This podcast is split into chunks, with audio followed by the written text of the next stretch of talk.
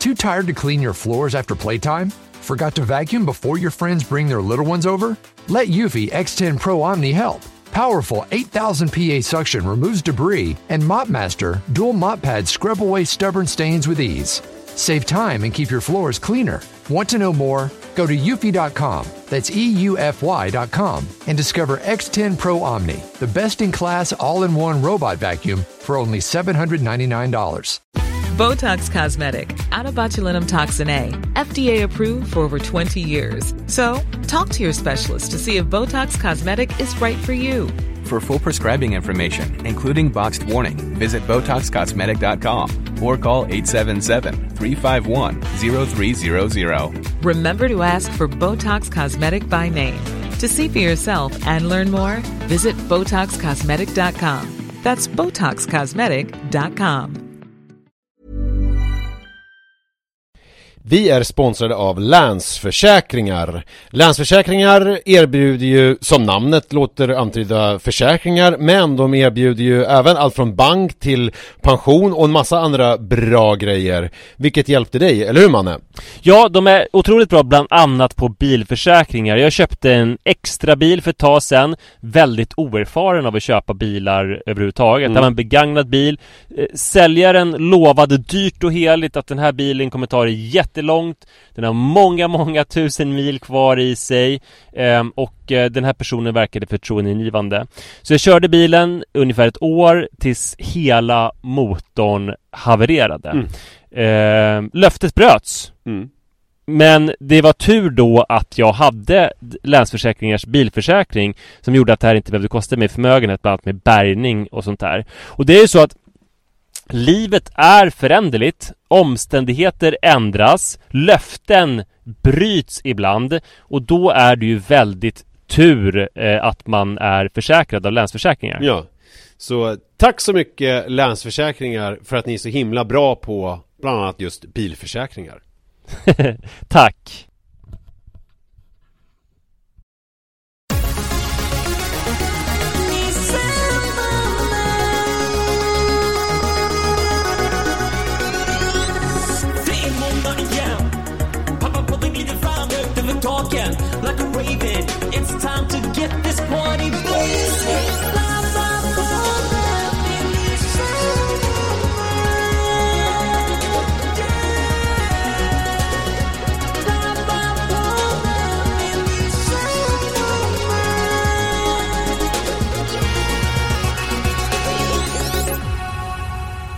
Varmt välkomna ska ni vara till eh, Pappapodden som ju är en utav de poddar som eh, eh, finns i Sverige och som har funnits ganska länge nu och eh, ja. Eh, det är då jag, Nisse Edvall och sen så är det du då, Manne Forsberg eh, som spelar in den här. Jag har börjat presentera mig själv med för och efternamn precis som så här Jaha, gamla det? gamla typ affärsgubbar gör. De säger ju alltid så här Anders Anders ja. Eriksson. Det där har jag varit med om på så här uh, mingel och fester att liksom potentater säger för och efternamn mm. och att det känns lite, alltså det är svårt för det känns lite fattigt att säga Manne och det känns lite pompöst att säga Manne Forsberg så att Jag har omfamnat det helt och säger så här, ja, Nisse Edvall, uh, jag tycker det är skitkul ja. Ja. Uh... Innan du berättar, jag vet att du ska berätta om en stormig cykelutflykt så måste jag berätta kort om Eh, jag tror en perfekt dag eh, Med tanke på att du hade en perfekt dag för två veckor sedan mm. eh, Men jag ska berätta ganska kortfattat Inte för mycket utvikningar eh, Och det var att Jag eh, sov utan Adrian mm. I ett rum där han inte var ja. eh, Vi kör nu Först så körde jag väldigt många raka nätter Men nu ska vi köra 5-2 ett tag mm. Så att fredag och lördag då sover jag själv. Jag så här, klockan visar hur jag har sovit och den brukar säga mycket dåligt när jag sover med Adrian och den mycket bra när jag sover utan Adrian så att han påverkar min sömn ganska mycket. Så jag vaknade inte förrän typ kvart över åtta och gick upp och eh, skulle inte följa med på Eken Cup. Eken Cup är ju kul när man tittar på sitt eget barn. Det är en handbollscup, väldigt väldigt stor. Men den är också helvetet på jorden För det brukar alltid vara, i alla fall igår och förra året var det typ 30 grader. Det finns ingen skugga och det är ganska stora områden när man ska leta efter var barnen ska spela match och sånt där. Mm. Och det är extra jobbigt om man har en uh, tultare med sig. Det, Idag det är ju det. en, i Gubbängen här i Stockholm, alltså en Exakt. anrik eh, Den har ju funnits, jag menar den, den spelade ju alla på även när jag var barn. Uh, Ja, ja kul. Den har ju funnits liksom det, Man hör man nästan namnet för jag tror inte att en, en Stockholmscup idag skulle döpas till Eken Cup. Det känns liksom som att Nej. Eken har uh, som slangbeteckning för Stockholm har lite grann uh, urvattnat. Så jag vet inte hur många av alla inflyttade Tranåsbor som har koll på att det heter uh, Eken överhuvudtaget. Nej, nej, nej verkligen. Eh, Ja men den är hur anrik som helst men ändå lite ansträngande att vara där Det kände jag igår. Eh, Så jag slapp det. Eh, åt amerikanska pannkakor med Adrian och Iris och tittade på Bolibompa Baby ganska länge vilket liksom inbjöd till att jag kunde ta det lugnt och scrolla telefonen lite grann. Och sen så var det helt fantastiskt väder och det är 19 grader och ett ganska lätt sådär sommarregn. Mm. Det är inte skönt om det är länge men efter det högtryck som man har försökt springa i så är det otroligt skönt.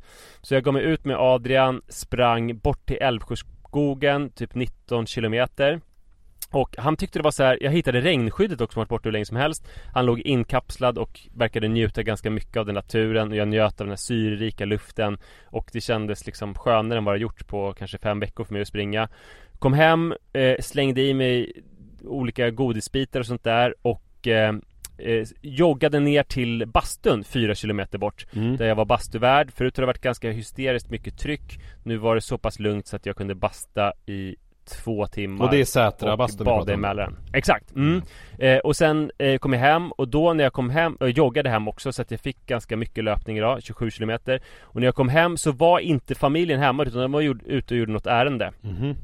Och då tänkte jag först Helvete nu måste jag tänka ut någon middagsmat. Men då smsade Sara att de skulle köpa med sig ingredienser till tacos. Mm. eh, Så jag kunde bara chilla i typ en och en halv timme och småjobba lite grann. Och sen så kom de och vi åt middag och nu sitter jag här. Vilken, eh, vilken underbar liten paus i mitten av allting. Och att du slapp sitta ja. i någon gympahall eller kolla på någon handboll eller någonting hela, eh, hela helgen. Det var ju också... Helt fantastiskt. Ja det var så, så jävla bra. Och det var som så här, nästan oförtjänt att så här Få varva ner efter en bastu är ju väldigt speciellt. Eh, Ja det var, det var fint. Jag är ganska uppe i varv för att jag håller på med eh, monterar IKEA-möbler för jag har köpt eh, eh, soffa till min balkong.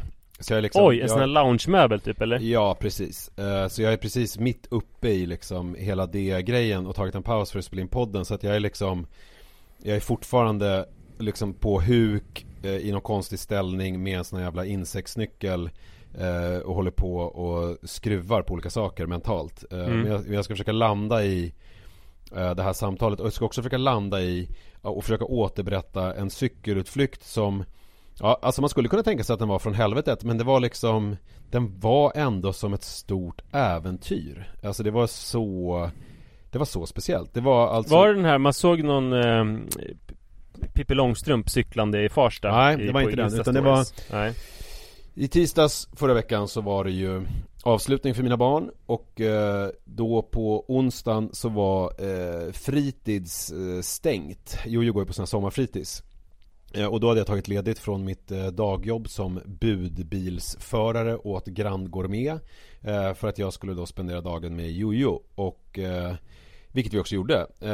vi spenderade dagen tillsammans, började med att han, han har gått pianokurs här tre dagar Eh, I eh, eh, här förra veckan, 45 minuter på Kulturskolan. Och efter det så bestämde vi oss för att vi skulle cykla och bada. Men då fick jag någon slags dampryck och tänkte att vi skulle inte bara cykla till liksom närmsta badet en och en halv kilometer bort, Hökarängsbadet, utan vi skulle cykla en mil bort till Lennabadet, dit vi brukade åka på den tiden när vi hade bil. Det låter ju helt stört. Mm. Det här är en pojke som du beskrev nyligen, drack ur en pipmugg och nu ska ni cykla en mil enkel ja, väg. men jag gjorde det för att han hade cyklat med mig, för han jobbade med mig på tisdagen efter skolavslutningen. Ja, och då cyklade vi in till stan från Farsta mm. och liksom hem efter jobbet och det gick bra. Eh, Hur långt är det då? Ja men det är väl nästan en mil, det är väl 8-9 ja. kilometer. Uh, Så då tänkte jag att det här ja, borde det var ju... fan strångt gjort. Ja, nej men han är jätteduktig. Alltså han, eh, det som är grejen är ju att jag också eh, hela tiden eh, innan han liksom börjar ledsna så cyklar jag och så lägger jag liksom en hand på hans axel så att han liksom ja, håller mitt tempo. Och det gör ju att han aldrig tycker att det är jobbigt och så kan han också eh, cykla på själv. Han känner att han är duktig och stor och stark och så här. Hur som helst. Alltså för mig jättekort så gick det åt helvete. Alltså, sen har det gått bra efter det när vi cyklade Norrdalen runt. Men Iris och jag, eh, när hon gick i fyran Alltså två år sedan så fick vi för oss att eh, jag, jag hade kontor ganska nära henne, eller precis vid hennes skola då Så fick vi för oss att vi skulle cykla in till stan Och vi gjorde det en dag det är, en, också en mil, eller kanske lite drygt en mil eh, Gick bra och vi cyklade hem och det gick bra Och det gick så bra så att hon blev väldigt taggad på det här och Fast hon var liksom liten så var det ju så att det, det, tog inte längre tid att cykla än åka kommunalt utan gick ungefär på ett ut. Mm. Tog väl strax under en timme liksom. Ehm, och eh, så ville hon göra det nästa dag, gick jättebra på vägen dit och på, nästan hela vägen på väg hem så gick det också bra.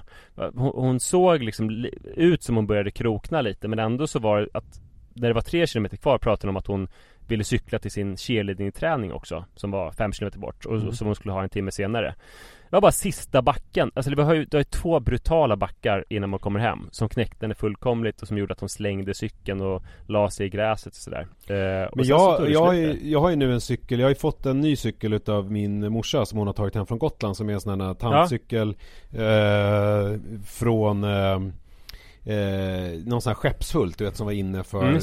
Kan det vara 20 år sedan? Alltså när alla hade de här Skeppshult-cyklarna eh, I Mälarhöjden har de fortfarande det okay. Det är jätte så här, ojämlikt cykelmode bland högstadieelever Att killarna har mountainbikes men tjejer har liksom så här tantcyklar okay. eh, Men jag har i alla fall en sån här tantcykel med åtta mm. växlar mm. Och jag har ju inte haft en växlad cykel på hur länge som helst Nej. Eh, och det är ju en dröm för att man kan ju ha på lättaste växeln i uppförsbackarna och speciellt när man cyklar då med jojo för då kan jag ju liksom cykla på lättaste växeln och samtidigt ha handen på hans axel och så hjälper han till mm. att cykla då blir det som någon slags tandemcykelaktigt nästan.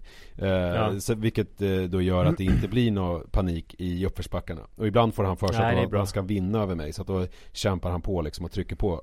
Hur som helst. Jag, ja, men det som är roligt ja. är ju det här att, att att barn har så jävla dålig självinsikt. Även, alltså Iris var ju äldre då, hon gick ändå i fyran liksom Men att hon kan tycka att det är så härligt att cykla så att hon vill cykla ännu mer sen Fast några hundra meter senare så kroknar hon helt för hon har nått liksom väggen. Just det.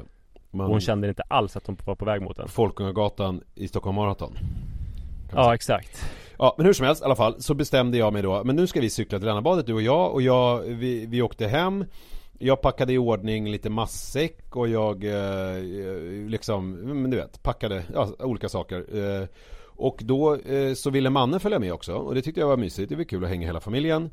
Och då ville också våra, alltså, eller mina gamla grannar då, alltså på gården mm. Moses och Keba, de ville också följa med. Eller Moses ville följa med. Eh, mm. Så att då skulle vi möta upp Moses. Så det blev liksom, det här som skulle gå ganska fort var så här, först skulle man göra sig i ordning och sen skulle vi cykla till gården och så skulle Moses hålla på att göra sig i ordning och hämta sin cykel i något garage. Så att liksom allting fördröjdes lite grann så att det som, så att då var väl klockan eh, kanske eh, 12 och då hade vi också bestämt att vi skulle stanna till i Länna industriområde på vägen, eh, eller det är vi nästan när vi är framme, och äta på Max till lunch. Mm. Men jag tänkte att så här, vi klarar väl det, för jag hade med lite äpplen och lite snacks och så här, så att de skulle klara liksom cykelturen. Jag tänkte i värsta fall får vi stanna och äta glass någonstans. Men sen så blev ju allt lite senare lagt så att då var ju istället för att åka iväg vid 12 så kom liksom Moses vid kvart över 12 och sen så då ville också Keba, alltså Moses styvbror, ville också följa med men han hade typ inte gått upp ännu. Eller så här, han låg fortfarande typ i kallingarna i sin säng och skulle liksom hålla på att hitta badkläder och inga föräldrar hemma och hitta olika saker och eh, hålla på och greja eh, med allt det där. Så att vi kommer väl iväg Ja men jag skulle säga att vi kom iväg halv ett, 21 och då hade vi inte ätit lunch ännu Så att jag, jag hade väl så här: okej, okay, hur ska det här gå? Men jag hade med lite äpplen, jag hade med lite snacks, jag bara tänkte nu kör vi och vi cyklade iväg, glada i hågen eh, och det var en underbar dag i onsdags Alltså det är ju såna det var ju verkligen sån här högsommartropisk värme Så det var ju magiskt liksom mm. Och vi cyklade i ungefär Jag räknade ut att om vi tar det lugnt så kommer det ta en timme och en kvart kanske eh, och cykla mm. dit. Eh, alltså om man tänker sig att man liksom bara chillar. Eh, och efter kanske, efter 25 minuter när vi då, då hade vi alltså lämnat Farsta men vi var fortfarande liksom, vi var mellan Farsta och Trångsund så vi hade fortfarande liksom kvar någon typ av gummisnodd till Farsta ja. Då började Manne skrika i, från botten av en backe. Jag blev skitförbannad för jag var mitt i backen och höll på med min den här manövern Och lägga liksom en hand på Jojos axel och cykla upp för den här långa backen i Larsboda industriområde. Eh, Och jag låtsades först att jag inte hörde för att han kan också vara sådär att när man cyklar Att han kan få sådana ryck och ska berätta massa olika saker och bara pratar och man fattar ingenting, man hör ingenting för det är så mycket ljud och sådär Så jag trodde att det var något sånt Men sen så förstod jag på allvaret i ropen att det faktiskt var någonting. Så då vände jag om och så cyklade jag tillbaka till honom. Och det kändes ju vidrigt att cykla ner för backen igen när man var halvvägs Ja, det är inget bra. Men uh, Jojo stannade kvar där uppe eller? Nej, han hakade på mig. Och då mm. visade det sig att han hade fått punktering på bakdäcket. Eh, Nej! Och jag hade ju inga, jag hade ju inga, absolut inga lagningsgrejer. Och hade jag haft det så hade jag typ varit sjukt osugen på att hålla på och fixa med det där eh, När man typ hade lite stress till lunch Så att då, då var jag så här: okej okay, hur fan ska jag lösa det här då? Men då bara, okej okay, men fortfarande gummisnodd kvar till Farsta För jag googlade lite och så vet jag att det finns ju en cykelverkstad i, i Farsta. Så jag bara tog, de fick sitta kvar där eh, Jag gav dem äpplen och vatten och olika saker Och så tog jag hans cykel och så cyklade jag med den liksom så att jag höll den med högerhanden och cyklade med vänsterhanden. Eh, Och så cyklade jag, det tog ju då en eh, dryg kvart eh, och cykla till den här cykelverkstaden. Jobbigt sätt att cykla på. Ja, det är jättejobbigt Och sen så cyklade jag dit och de kunde fixa det på en gång. Och Då frågade de också eh, Ska du ha styret upp och ner? Jag bara va? För det är jag som har monterat den här cykeln, ni köpt på Clas Ohlson. Jag har tydligen satt styret upp och ner. Jag bara nej. Och skyllde på så här, äh, jag fick den av svärfar, jag vet inte. Så, jävla, jävla dålig vit lögn Ja, vad eh, mycket, men, mycket sånt de måste höra. Ja, gud ja. Uh, Men i alla fall, det, men då tog ju det en kvart, 20 minuter för honom att fixa och byta det där och sen så cyklade jag tillbaks då en kvart, 20 minuter så då hade det gått liksom då, Ja men kvart, kvart, kvart, alltså 45 minuter drygt Blev han glad att få styret helt annorlunda? Uh, nej, han var otroligt uh, neutralt inställd till mm. det faktumet Han tyckte väl att det var så här, ja nu är det lite konstigt att bromsa och växla men, men det var Jag hade inte lyckats skruva åt det riktigt för att det var väl lite fel så att det hade varit lite löst Nu var det satt ju fast mm. i alla fall Hur som helst, vi cyklade vidare och vi, det var fortfarande så här, det var bra stämning, alla var glada liksom och sen cyklade vi ytterligare typ 25 minuter och då var vi ju så här i Ja, in the middle of nowhere om man med in the middle of nowhere menar typ eh, mellan Skogås och eh, eh, Haninge Alltså ganska nära, vi ha, kommer ihåg att vi hade en en trogen lyssnare i början som hette Viva, vad hette hon? Viva Persdotter, hette hon så?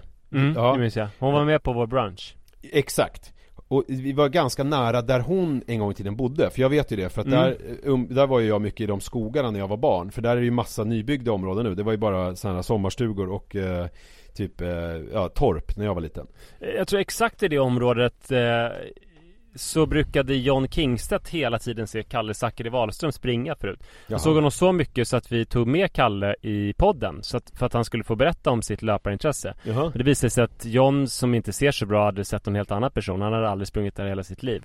Eh, Men det blev en bra intervju i alla fall. Gud vad roligt Ja, hur som helst, där i alla fall, eh, för de som, den otroligt smala målgruppen Viva i podden, så vet vi ungefär var vi var någonstans. Och då, också, återigen i en fucking backe, uppförsbacke, så började Keba, eh, nej Moses ropa. Eh, För då hade han också fått punka Nej men vad fan! Ja. Och nu, men nu hade du med dig punkergrejer Nej, jag, jag hade ingenting Alltså, jag, så, så, jag funkar inte så alltså. Så att, då var det så här, okej okay, fan ska vi göra nu då? Jag ringde, jag ringde eh, Jag ringde hans mamma, men hon var på jobbet, det gick liksom inte att lösa Så jag bara, okej okay, vad gör jag nu? Men då tänkte jag så här, okej okay, eh, Moses får ta Jojos cykel mm. eh, Jojo får sitta på pakethållaren så får vi packa om lite grann för jag hade ju all packning på pakethållaren och i en korg ja, just det. Eh, men jag tänkte korgen kan vara kvar för han kan typ ha foten i korgen och eh, ja Men så att jag lyckades liksom göra en abrovink och så låste vi fast hans cykel vid en stolpe och så tänkte jag så här, det här får hans eh, föräldrar lösa senare ikväll eh, mm. När de har slutat jobba för att åka hit och hämta den Jag gjorde liksom någon sån här, droppade någon nål på Google Maps Och vi eh, Cyklar då vidare, jag har Jojo på eh, pakethållaren och då är vi på väg till Max. Vi är väl ungefär då en halvtimmes cykeltur från Max. Och nu är ju klockan alltså, nu börjar den ju närma sig två, halv tre Och vi har fortfarande inte ätit lunch.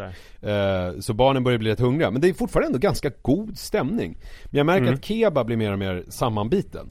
Han går upp för en backe och så här. han brukar alltid vara väldigt stark. Men jag, jag bara tänker att han är väl hungrig liksom, tänkte inte mer på det. Franken eldade ingenting.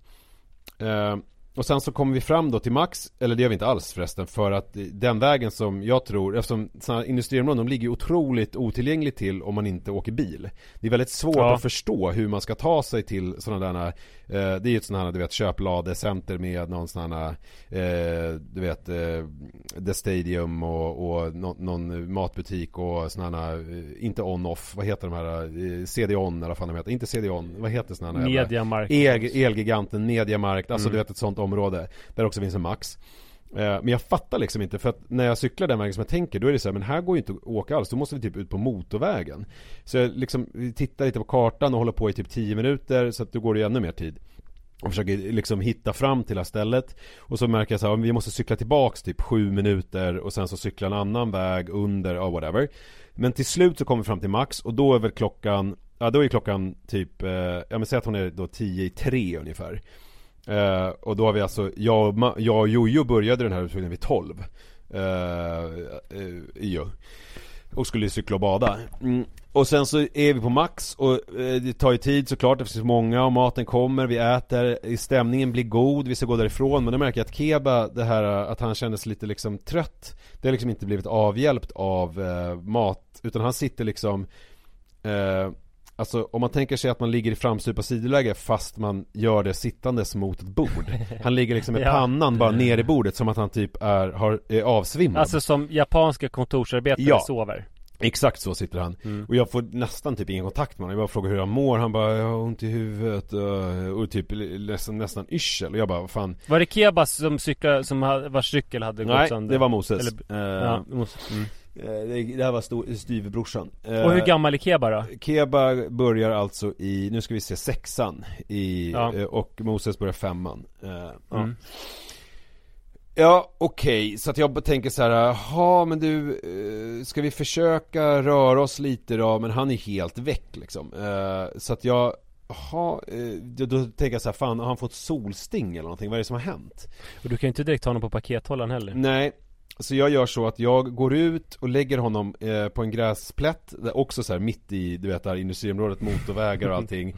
Och typ eh, har min, har en sån här, jag har en löparkeps Så jag blöter den och så får jag honom dricka lite vatten, sätter på honom kepsen Skuggar honom med en handduk Ringer hans mamma som sitter i, upptagen i möten på jobbet och bara För jag har ju ingen bil eller någonting, men jag kan inte göra Så jag bara, eh, Keba är typ halvt medvetslös här. Vi är Länna industriområde på max. Så hon får liksom typ så här: okej okay, jag får eh, cykla hem. Eh, Det tar väl, eh, jag kan väl vara där på en dryg halvtimme. Ja, så sen sitter jag där då, skuggar honom och pratar med honom. Han blir lite typ illamående och jag är rädd att han ska kräkas. Eh, Men det gör han inte. Men jag sitter i alla fall där i en dryg halvtimme då och, och, och, och försöker få in honom lite vätska Men och... hade han liksom väggat? Ja, ja, ja, men jag tror, alltså för att Jag mässade lite med hans mamma senare på kvällen och då var han pigg Så jag tror att han hade fått någon mm. liksom Alltså ordentlig solstingsväggningsgrejsimojs bara. Han var bara helt mm. väck. Uh, Och till slut så kommer hans mamma med bilen och uh, uh, de, de åker iväg Eh, vilket då får till följd att vi har rätt antal cyklar igen. För att mm. eh, då kan eh, då Moses ha hans En jävla dålig utflykt för Moses och Keben då. Mm, Ja en punka och en väggning. Och sen då är klockan När vi kommer fram till badet eh, Så är klockan 20 över 4 Så då har vi alltså varit på väg i 4 timmar och 20 minuter För att bada. Och vi badar, vi är väl där, alltså de har ju skitroligt och sådär Men vi är väl där kanske i 45-50 minuter för sen måste vi hem, man måste ju börja med middag. Jag skulle ha en kompis som skulle komma över, du vet så att det blev ju liksom eh, Det blev ju inte någon sån här lång dagsutflykt, eller det blev det ju Men det blev inte någon lång liksom lat dag på stranden utan det blev en strapatsrik Händelserik resa. Eh, och, eh, men hemvägen går otroligt gesvint Den går på typ 55 minuter. Eh, så då var det ju inga problem alls. Eh, och det var ju underbart att det slutade så gott. Men det som jag tänkte på under tiden var, och som jag, jag tänker att det är så här en del av någon typ av insikt som jag kommer fram till att det är så här att jag tänkte hela tiden att det här är utflykten. Alltså utflykten är inte, Ja, jag visst. slutade tänka så här att badet var själva grejen Utan jag tänkte att så här, Mm. det är det här som är äventyret Och jag liksom intalade barnen det också så att Det som kunde ha blivit värsta så här, traumatiska, jobbiga upplevelsen med typ galna barn och galet allting Blev istället typ så här värsta äventyrsdagen eh, Där vi var lite överallt och allting hände eh, Ja men det är jävligt smart Jag är väldigt nöjd med att jag kunde spinna det Annars blir det också det. dålig stämning att man liksom hetsar vidare Ja. Som jag nog lätt skulle gjort Eh, nej men så att det var ju liksom, det blev eh, Det blev all in all en jävligt mysig eh, upplevelse och så här, också ett minne verkligen eh, Som man kommer För. Edvallarna i alla fall Ja men Moses och Keva verkar rätt nöjda också Ja. De tyckte också att det var kul och strapatsrikt Och cykelkillarna som jobbade på Ja, cykelaffären de, fick de ju blev gott skratt också 350 kronor rikare så och, det var ja, ju perfekt. dessutom Eh, Jag är själv nervös för att eh, du, du minns att vi körde Norrdalen runt? Jag, Ja. Iris och eh, hennes kusin Nils. Mhm. Nils är lika gammal som Manne. Förra Mm. sommaren så körde vi 56 kilometer som vi cyklade. Mm. Väldigt, väldigt kuperat dessutom. Men det gick bra och det var De höll ihop det och hade lite toppar och dalar och sånt där. Men nu ska Rut hänga med. Mhm. Som ju är betydligt yngre än vad Iris och Nils var när de gjorde det. Ja, eh, Så att jag är, jag är redan nervös och samtidigt liksom eh, Nypa mig i armen lycklig över att hon vill hänga med Men gör det då, eh, ta till dig av det här att se det som en, ett äventyr. Och för på vägen hem ja, då- det, ja men det går ju inte att göra annat. det, det är ju 5,6 mil. Alltså det är ju hela Vi, vi är ju inte på väg någonstans. Vi cyklar ju ru, Ja. runt Runt sjön. Ja och sen så många pauser och det blir mysigt, det kommer bli skitbra. Vi stannade Ja. ju, vi gjorde ju till och med en, en, eh, tog en omväg på vägen hem för att vi skulle eh, äta glass. Så vi stannade i Trångsund och eh, eh, åt glass och tog liksom en liten detour eh, dit. Eh, Och ändå så var vi hemma då på mindre än en timme. Så att, eh, Ja, ja. Nej men det är Nej, kul jag tänker ändå. också att det Vid halva ungefär så finns Så stannar vi på Fönebo och käkar lunch. Och där skulle hon kunna hoppa av Om eh, det behövs. Men det, det är en annan grej som har slagit mig i det här är ju för att sen vi gjorde oss av med bilen så har vi cyklat mycket mer. Alltså det blir så här Att det blir som äh, Att, när, när, det, när någonting blir en nödvändighet så blir det helt plötsligt någonting som alla går med på Alltså som Ja. ja. Jojo och mannen sov över hos sina kusiner i Kärrtorp Som ligger fem kilometer härifrån i natten till i- idag då vi spelade in på söndag och då cyklade vi dit och cyklade hem eh, Och det är ju liksom inga problem Jag menar hade vi haft bilen så hade jag ju aldrig i helvetet cyklat dit Då hade vi ju kört, Nej, kört bilen Ja. Och samma sak till Lännabadet Hade jag haft Men har bilen- Li fortfarande inte heller någon bil? Nej, ingen har bil. Nej, det, för det är nog eh, bra liksom. Ja, jag har inte Att saknat likadant bilen. jag har, inte, jag har inte saknat bilen en enda gång. Alltså, Det är sjukt. det är, är sjukt eh, Faktiskt. Ja det är otroligt. Ja. eh, Jag skulle eh, Få välja på den tror jag. Ja. Efter Ja men eh, En timme Eller så. Ja, nej men sånt. så att eh, eh, en, en cykelutflykt från helvetet som ändå blev en paradisisk eh, sommarlovsdag Ja men bra mm. Det var ju fint att det löste sig allting Mm. Say hello to a new era of mental health care. Cerebral is here to help you achieve your mental wellness goals with professional therapy and medication management support. 100% online. You'll experience the all new Cerebral Way, an innovative approach to mental wellness designed around you. You'll get a personalized treatment plan from a therapist, prescriber, or both in a safe and judgment free space. Your cerebral therapist or prescriber will outline a customized plan with clear milestones along the way so you can get to feeling your best. With Cerebral, you're not alone in your mental health journey. We're here to empower you to live a fulfilling life. So take that first step towards a brighter future and sign up today at cerebral.com slash podcast and use code ACAST to get 15% off your first month. Offer only valid on monthly plans. Other exclusions may apply. Offer ends July 31st, 2024. See site for details. Millions of people have lost weight with personalized plans from Noom, like Evan, who can't stand salads and still lost 50 pounds. Salads, generally, for most people, are the easy button, right?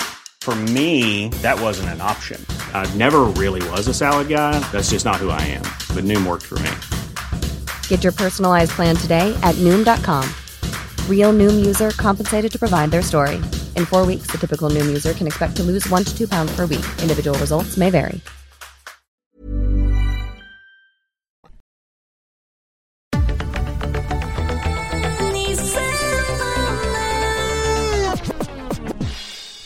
Apropå då strapatser och eh, barn som gör krävande saker Utmanar sig själva under ganska lång tid. Ja. Så vet jag inte om du har hört talas om, eller det har du såklart Barnen i Amazonas som hittades någorlunda helskinnade efter att ha varit ensamma i Colombias väldigt täta och väldigt farliga djungler i 40 dagar. Ja det, var, det är helt sjukt ju. Men jag, det som jag tänkte med det där, att det var hela tiden så konstigt att alla myndigheter och alla eh, förståsigpåare där i Colombia sa så här, vi kommer hitta dem levande, det är inga problem. Jag bara mm. tänker så här, vad fan, va? Hur, hur tänker ni nu? Tänkte jag Nej men de, de, de höll ju på att uh, bomba stället med typ flygblad och mat och sånt där som aldrig nådde fram Det är liksom för tätt och jag tror att de sa det med mindre och mindre entusiasm hela tiden mm. eh, De borde ha hittat dem för man visste ju, det var ju, de hade ju kraschat med en Cessna mm. Båda föräldrarna till de här barnen dog Eller om det bara var mamman som dog kanske som var med. Eh, All, eh, rest, eh, Besättningen dog också så de enda överlevande var en 13-åring, en 9-åring, en 4-åring, en 1-åring som var syskon. Mm. Och de tillhör någon typ eh, något minoritetsfolk som har levt av regnskogarna. Annars är det ju väldigt farligt där för att det finns, alltså det är väldigt svårt att veta vilket vatten man kan dricka. Det mesta är ju fruktansvärt farligt liksom. Mm. Eh, svårt att hitta rent vatten och eh, sen så finns det ju också jätte, jättefarliga grodor, spindlar, ormar, andra insekter, hungriga jaguarer och allt möjligt liksom. Mm. Ja, det är en djungel. Det är en jävla djungel där i djungeln En jävla djungel där ute i Colombia, mm. exakt mm. Eh, Men sen så då ehm, eh, så, så har de vallats runt av den här skitduktiga 13-åriga stora systern eh, Som har gjort mjöl av kassavanötter som hon har fixat något bröd på till det, exempel Det är helt sjukt ja. Eh, Barnens mormor Fatima Valencia säger att 13-åringen visste vad de behövde äta. Och de var ju såklart inte i toppskick de här barnen Men hon hade ändå räddat dem. Den här bebisen då hade precis fyllt ett år. Alltså var väl, ja men typ exakt lika gammal som Adrian Som ju är en fara för sig själv och sin omgivning Som är svår att ta hand om även för rutinerade trebarnsfäder. Men det finns ju å andra sidan eh, inte så många stickuttag i djungeln. Det är ju bra. Det är ju posit- en positiv grej Nej precis, eh, det är en väldigt bra eh, grej där. Och eh, sen så här, när man tar hand om barn Så trampar man nästan aldrig på legobitar. Ja just det. Som ju många vuxna har problem med ja. att ta hand om barn och, och i väst, det är ju också sådär att man det, Man behöver inte heller ha dåligt samvete för att man sätter dem framför Babblarna eller SVT Baby. Nej exakt. Eh, så, så det har verkligen sina fördelar men jag, ja, det var ju minst sagt imponerande och jag tyckte det var extra fascinerande berättelse för att det är ju exakt min barnaskara om vi nu tar bort den här fyraåringen mm. eh, Och den tar man väl gärna bort för det är skitjobbigt att ha en fyraåring och en ettåring ja. Det räcker ju då med en ettåring men Ettåring är alltså är nästan ju... lättare än en fyraåring kan jag tycka Ja För ettåring kan man ju ändå, faktiskt. om man är liksom hyfsat, eh, alltså en ettåring kan man ju bära på ett helt annat sätt än en fyraåring Fyraåringen måste ju Ja liksom... och fyraåringen har liksom agens Där ja. borta finns jättefarligt vatten som jag vill dricka Ja där finns en Jaguar som jag vill dra mm. i svansen Sådana mm. saker Som kanske är lättare att hindra ettåringen från Nej men så att det, jag ser framför mig då eh, Iris som är 13 eller fyller 13 Rut som är 10 och Adrian som är 1 mm. eh, Om man skulle släppa dem på lite olika ställen Om man skulle släppa dem i Länna Till exempel Det tror jag skulle gå jättebra Ja det tror jag också Då skulle de kunna cykla eh. hem på Moses cykel om de fixar punkten Ja för jag menar Det är klart att Fälgen Eller så kan de knacka på, jag vet inte om, om, om våran eh, gamla lyssnare Viva bor kvar där. Annars skulle de kunna knacka på hemma hos henne.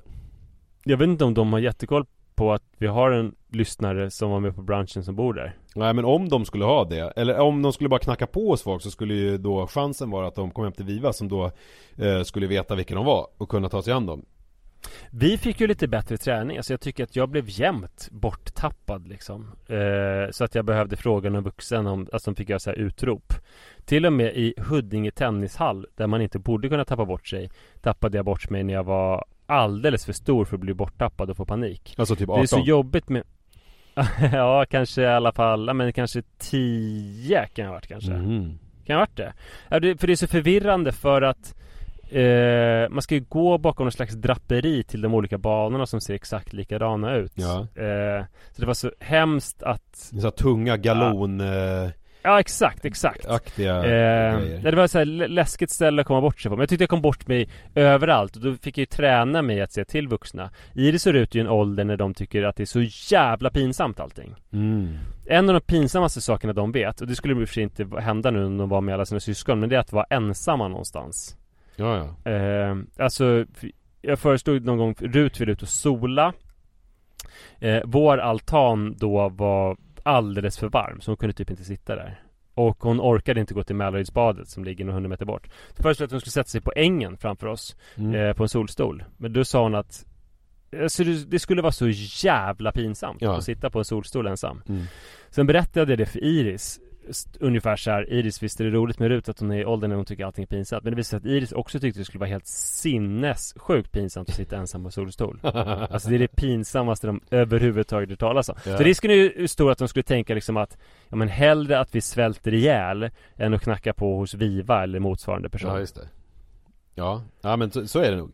Men det, men, Och att men... de skulle ha lättare i typ Tyresta Där eh, de ändå kanske skulle kunna fånga någonting levande och döda och äta Det kanske var det som var fiska. de här uh, colombianska djungelns smala lycka barnen att, uh, att den här 13-åringen inte tyckte det var pinsamt för att hon inte behövde Hon sprang inte in Nej, i någon och skämdes inte Nej då... precis, Nej, hon tyckte det var skönt Fan vad skönt att ingen ser hur ja. jävla pinsamt det är att ja. vår mamma har dött och ja. allting eh, Skönt att gömma sig här nu i 40 dagar tills folk kanske har glömt vår pinsamma belägenhet liksom Hoppas nu att det inte står Ja, vilken hemsk grej då att det står om det i alla tidningar och sådär. Men jag kommer ju ihåg eh, saker som jag tyckte var pinsamt. Jag tyckte till exempel att det var jättepinsamt.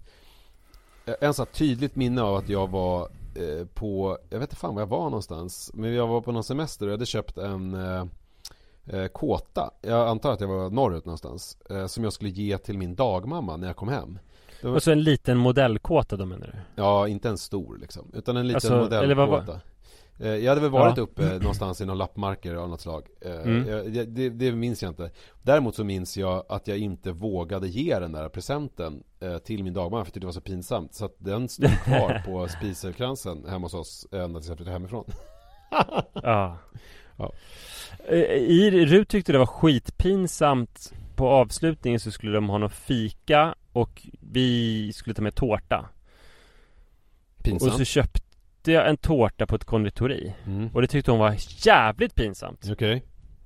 Okay. um, och, och jag fattar inte riktigt varför, den var hur fin som helst. Och dessutom var det anonymt. Ingen visste vem som hade lämnat vad. Nej nej nej.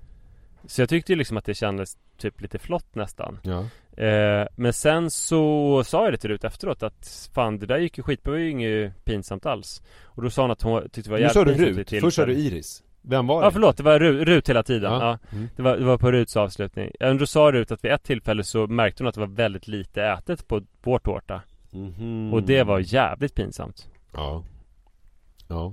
Ja det är ju pinsamt. Nej, Men, men åter till djungeln nu, jag vill veta mer om det Jag har inte följt det så slaviskt, jag tycker det var skitspännande ja, nej, att höra om det där Det, det finns inte så mycket mer att berätta. Den här ettåringen var ju lite medtagen och behövde dropp. Eh, Och jag tror att Som efter ett vanligt kunde... ultralopp bara. Ja exakt, för det var väl så att deras typ metabolism och matsmältning och allting var förstört då efter 40 dagar så man kunde liksom inte trycka i dem mat. Nej. Så att de behövde lite ses efter lite av sjukvården och de var lite så svaga och förvirrade.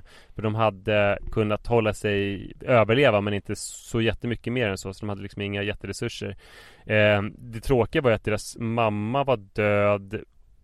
Eh, men jag tror kanske att pappa pappan, pappan levde, levde ändå. Pappa levde, det, det har jag läst ja. Mm. Mm. För han var inte med i det eh, planet överhuvudtaget. Nej och sen vet jag inte, de är väl superstjärnor i Colombia nu liksom. Presidenten var jätteimpad och Presidenten hade ju gått ut ju, Han gick ju ut på sin Twitter typ första dagen att de hade hittat barnen. Fast de inte hade det. Det är kaxigt. Ja.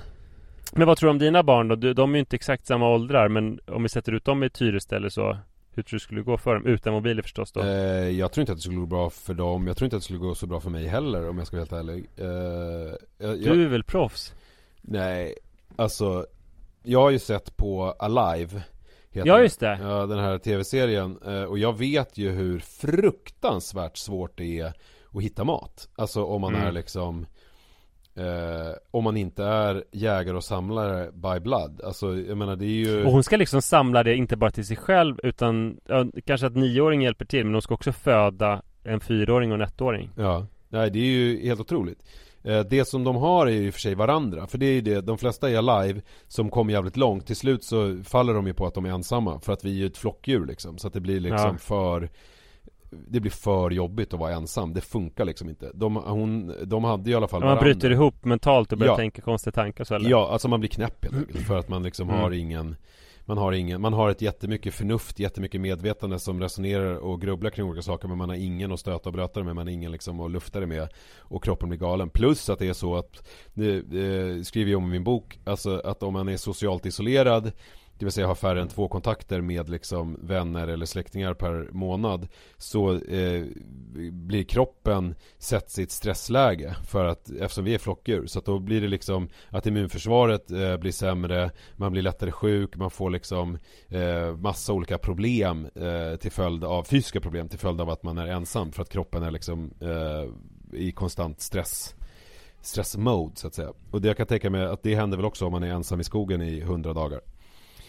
Ja, det kan man tänka sig. Och så kommer Nej, men, äh, ingen mat och så vidare. Ja, ja nej, men, så vi eh, skulle dött allihop helt enkelt. Alltså jag, jag, tror att, jag tror att mina barn skulle ha liksom dött Uh, undrar hur länge de hade klarat, de hade väl klarat sig på sina reserver Jag menar till slut så hade de ju inte överhuvudtaget De hade säkert Antingen hade de druckit något av det giftiga vattnet och dött av den mm. anledningen Eller så hade de liksom bara svultit ihjäl helt enkelt Ja, nej det samma gäller nog mina barn också, mm. fuck Ja men det gäller ju också mig ska jag säga. Alltså det, jag vill inte säga att Jag och mig också då. Ja, alltså hade jag varit liksom Jag tänkte på det, jag lyssnade häromdagen igen på den här Apropå live Den eh, Det är ju en filmatisering av de här eh, Det här rugbylaget som störtade i Anderna på 70-talet Ja. Uh, ja, ja, ja, vadå har du sett den? Ja, den nej, är den, ju Den har jag ju sett för länge sedan men, men, men sen så hörde jag, det var en radiodokumentär om det som jag hörde för Ja, vad kul. Här förleden Den, och den det... filmen har verkligen stannat mm. i mitt vad heter han den snygga killen som är med i Reality Bites som var med? Jag kommer inte ihåg alltså alls skådespelarna i filmen Nu, det, nu har jag ju bara liksom dokumentär, för här var ju också intervjuer med dem eh, mm. och så. Ja de åt, de var ju tvungna att äta ja, döingarna som låg varandra, där precis ja, eh, ja. De eh, gjorde ju det eh, för att överleva och eh, det, det tog funkar... en stund innan de började med det va? För det vill man inte. Nej det var ju absolut sista utvägen. Men det som funkade där var ju att Det hade nog inte funkat i djungeln för då hade ju eh, köttet ruttnat på ett helt annat sätt. Där var ju allting fryst. Mm, just det. Så att de mm. Så att det höll sig ju liksom bakteriefritt och så vidare. Så att de kunde ju äta det på ett annat sätt. De karvade bara loss lite liksom ur en arm eller ur ett lår och åt uh, rått liksom. Uh, Ja fy fan. Åh men, eh, nej, som, nej, vi hade inte överlevt.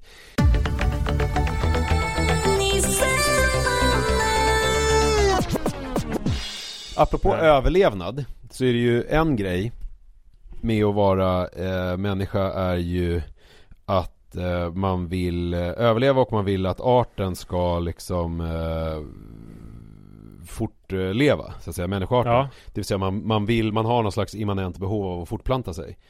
Mm, verkligen. Och, och jag tror att det, det har jag märkt. Jag, jag, jag, jag, märker det här på ett väldigt tydligt sätt när jag åker runt eh, både på Östermalm och på Södermalm och på Kungsholmen när jag liksom är lite mer i cruise mode med min budbil och jag ser liksom olika saker, jag lägger märke till olika saker liksom i min omgivning.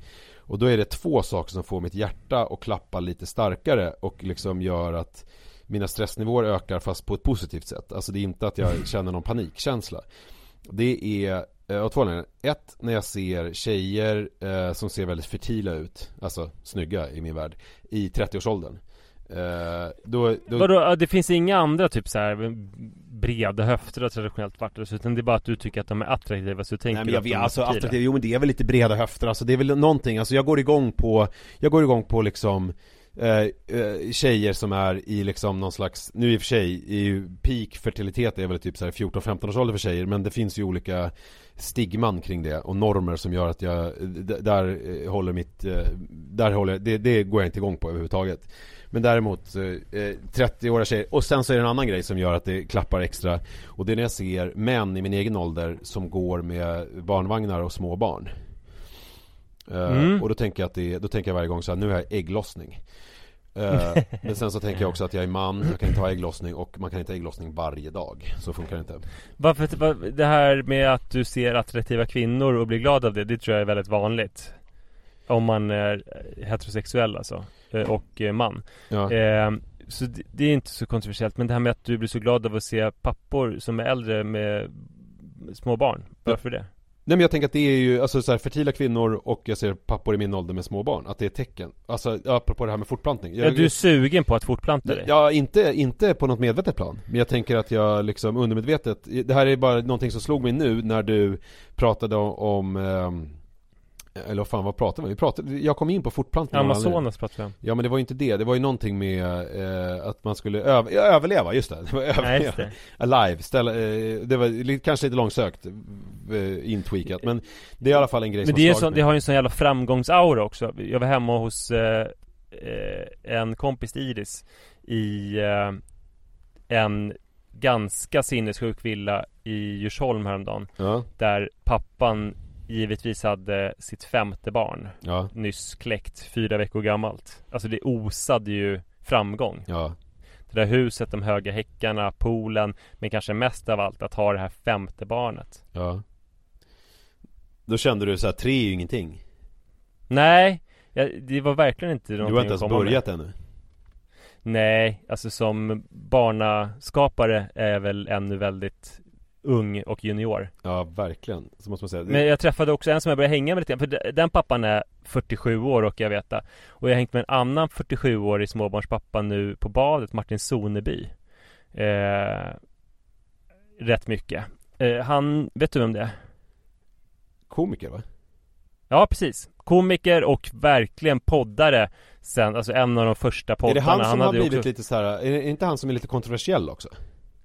Alltså jag, jag försökte googla det för att jag minns också så här, Jag vet inte vad det är som är Nej alltså det är ju inte som på liksom en Aron Flam nivå eller sådär. Nej det är Aron Flam jag tänkte på, jag blandade ihop. Ja, ja, ja, ja nej, nej, nej jag tror inte han är kontroversiell. Det enda jag hittade när jag googlade honom var att han Någon hade gjort, alltså han hade dömts för att han hade sparkat sönder någon kvinnas cykel Men då var det att hon hade gjort något rasistiskt utfall mot honom Jaha, nej men jag tänkte helt fel. Martin Soneby, Martin Soneby är väl jättegullig. Alltså han är väl en, en helt eh, kosher person.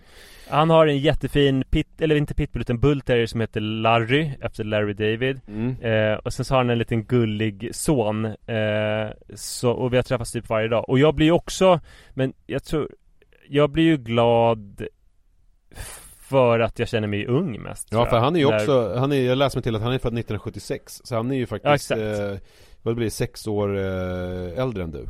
Nej, sju till och med. Sju år, ja och hans son är precis, ja tre veckor yngre än eh, Adrian. Är det också hans första son? Ja precis, det är Ja, ja men du vet det är ju eh... Men vad ska du göra med det här då? I'm gonna fuck this town in the pussy.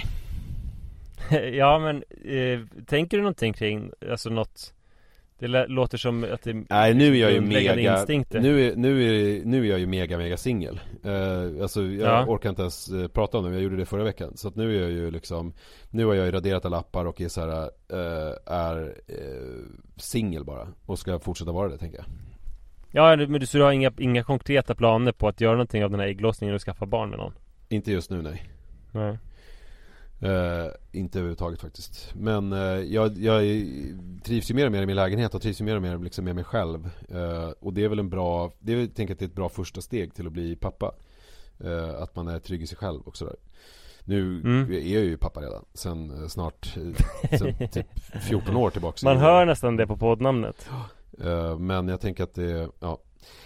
Åh oh, gud Hörru, vet du vad? Jag är så jävla sugen på att göra klart den här uh, balkongen nu. Har du något mer som är så jävla roligt som du känner så nej, det här okej, måste nej, lyssnarna kan, få nej, höra? Nej, nej, nej, okej du skiter i det Jag kan inte säga det Jag, efter jag lovar, jag kan lägga upp en uh, bild på pappapoddens Insta sen uh, när det är färdigt så, så att alla får ta del av det här härliga som jag håller på med. Alla kommer bli skitglada när vi stekte min sista grej för att, och istället så får de en loungemöbel.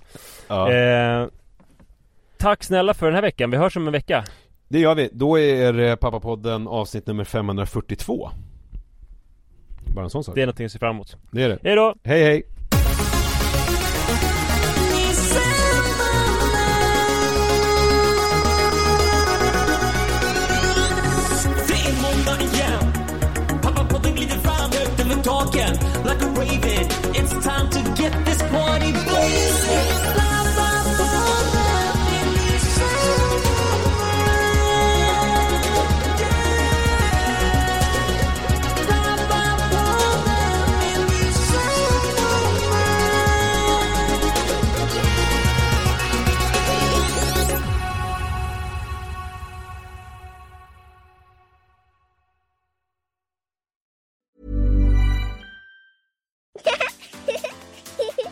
Tired to clean your floors after playtime? Forgot to vacuum before your friends bring their little ones over? Let Eufy X10 Pro Omni help. Powerful 8000 PA suction removes debris, and MopMaster dual mop pads scrub away stubborn stains with ease. Save time and keep your floors cleaner. Want to know more? Go to eufy.com, that's EUFY.com, and discover X10 Pro Omni, the best in class all in one robot vacuum for only $799. Don't you love an extra $100 in your pocket? Have a TurboTax expert file your taxes for you by March 31st to get $100 back instantly. Because no matter what moves you made last year, TurboTax makes them count. That means getting $100 back and 100% accurate taxes only from Intuit TurboTax. Must file by 331. Credit only applicable to federal filing fees with TurboTax full service. Offer can be modified or terminated at any time.